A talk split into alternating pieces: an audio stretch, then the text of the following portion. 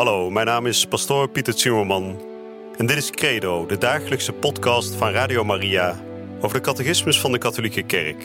Samen dringen we elke dag een beetje dieper door in het prachtige plan van liefde dat God met elk van ons heeft. Laat je inspireren en ga met ons mee op deze avontuurlijke reis door het geloof.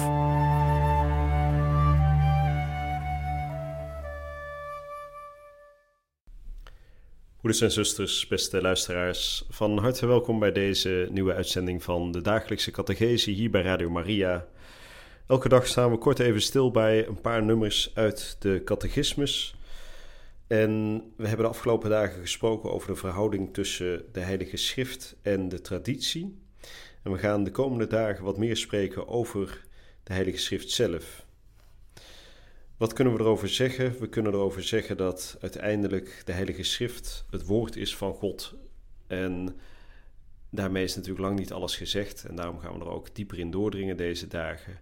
Maar het is belangrijk te weten dat de hele Heilige Schrift, hè, dus vanaf het absolute begin, Genesis, tot het laatste boek, de Apocalyps, dat al deze boeken zijn geïnspireerd door de Heilige Geest. Hè, dus dat de schrijvers van deze boeken zijn geïnspireerd door de Heilige, uh, door de Heilige Geest.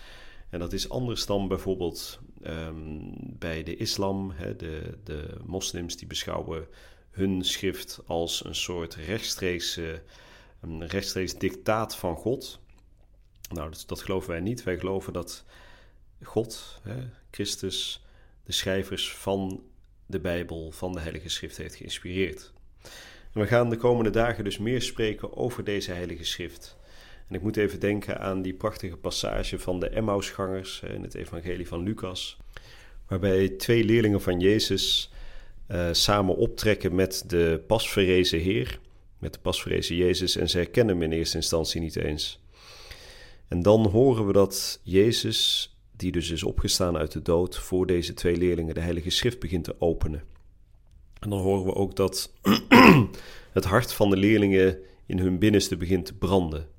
Ze zeggen dan tegen elkaar: brandde ons hart niet in ons toen Hij de Heilige Schrift voor ons ontsloot. En zo kan het ook met ons zijn op het moment dat we ons door de Heilige Geest laten verlichten en dat we ons door de Heilige Geest die Heilige Schrift laten openen, dat we dan voelen dat ons hart in ons gaat branden, omdat we weten dat we steeds dichter bij God in de buurt komen. En daarom is de Heilige Schrift een heel belangrijk thema voor ons geloof. En we gaan daar vandaag over spreken. En ik zal vandaag behandelen de nummers 101 tot en met 106.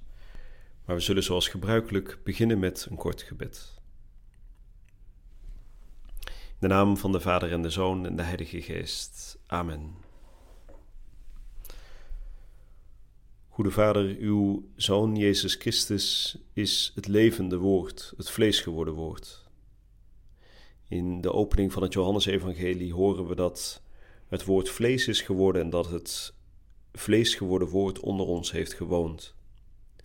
We horen dat Hij het licht van de wereld is, maar dat de duisternis Hem niet heeft aanvaard. We willen bidden dat we niet tot de duisternis mogen behoren, maar dat U ook onze eigen ziel, ons eigen leven verlicht door het vlees geworden woord van Uw Zoon. Spreek de woorden van waarheid tot ons hart zodat we ontvankelijk worden voor uw waarheid en dat we deze in een groot geluk mogen aanvaarden en doorgeven. Amen. De nummers 101 tot en met 106. Artikel 3 van het eerste hoofdstuk. De Heilige Schrift. 1. Christus, het enig woord van de Heilige Schrift. Om zich aan de mensen te openbaren, spreekt God in zijn welwillende goedheid tot hen in menselijke bewoordingen. Want Gods woorden, uitgedrukt in de talen van de mensen, zijn gelijk geworden aan de menselijke manier van spreken, zoals eens het woord van de eeuwige Vader, door de zwakheid aan te nemen van ons vlees, gelijk geworden is aan de mensen door alle woorden van de Heilige Schrift heen zegt God slechts één woord, zijn enig woord, met hoofdletter W, waarin hij zich geheel uitspreekt.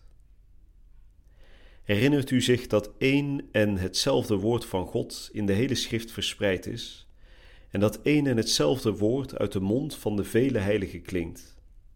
Omdat dit woord van in het begin bij God was, heeft het geen lettergrepen nodig, want het is niet onderworpen aan de tijd.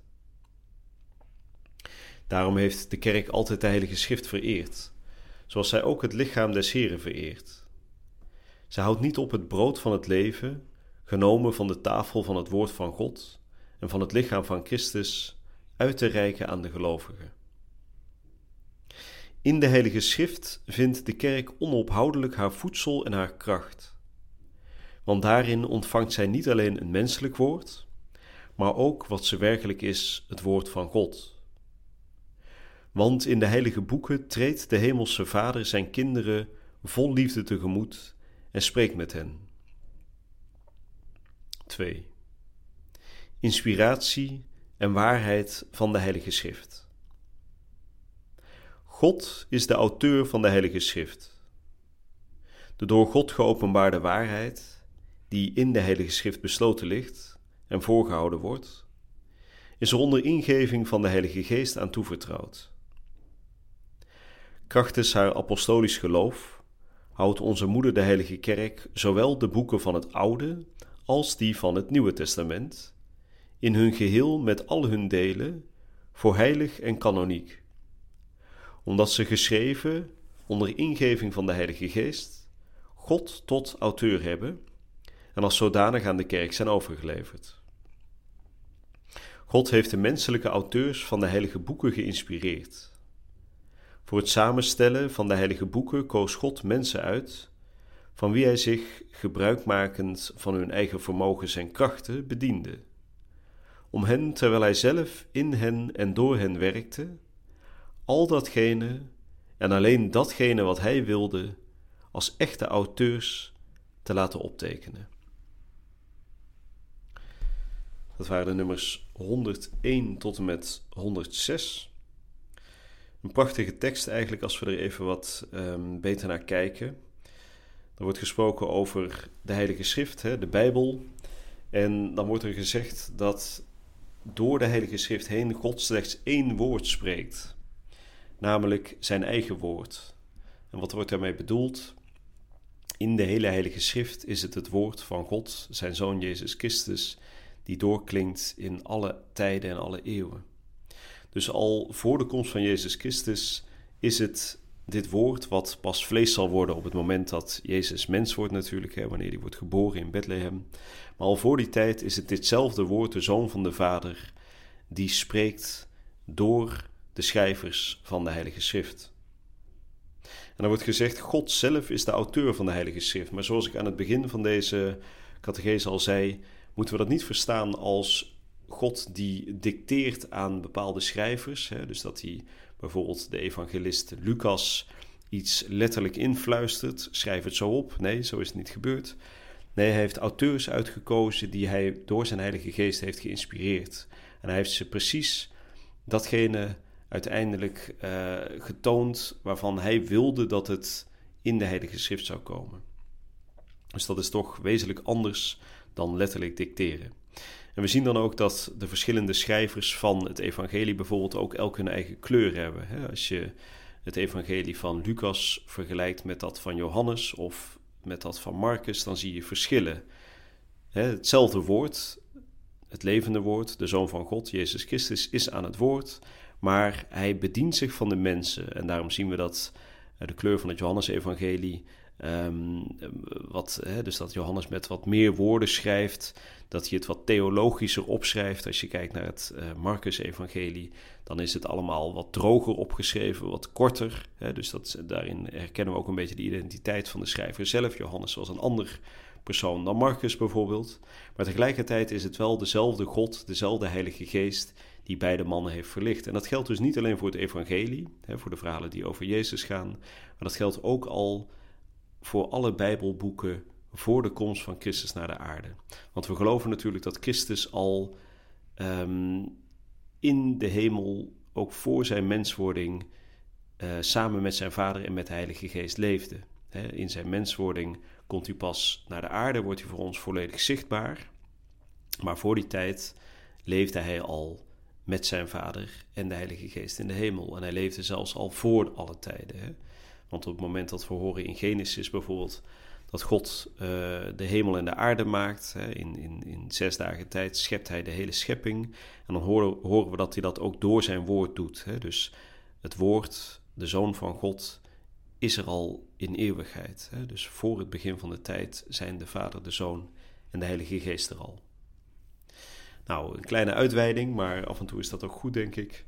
Dus vandaag de inspiratie en de waarheid van de Heilige Schrift hebben behandeld. En bij de volgende uitzending gaan we daar nog op door. Ik wens u een hele gezegende dag toe en ik hoop u heel snel weer te ontmoeten hier bij Radio Maria. Je luisterde naar Credo, de dagelijkse podcast van Radio Maria over de catechismus van de Katholieke Kerk. Credo is iedere werkdag te beluisteren op Radio Maria. Maar je kunt de afleveringen ook in je eigen tempo terugluisteren op onze website, in de app of op Spotify en de andere platforms. Via de website radiomaria.nl vind je dagelijks de link om de bijbehorende teksten uit de catechismus mee of terug te lezen. We zijn erg dankbaar voor alle giften die wij mogen ontvangen. Daardoor kunnen we ons goede werk blijven doen. Draag je ook bij aan deze missie?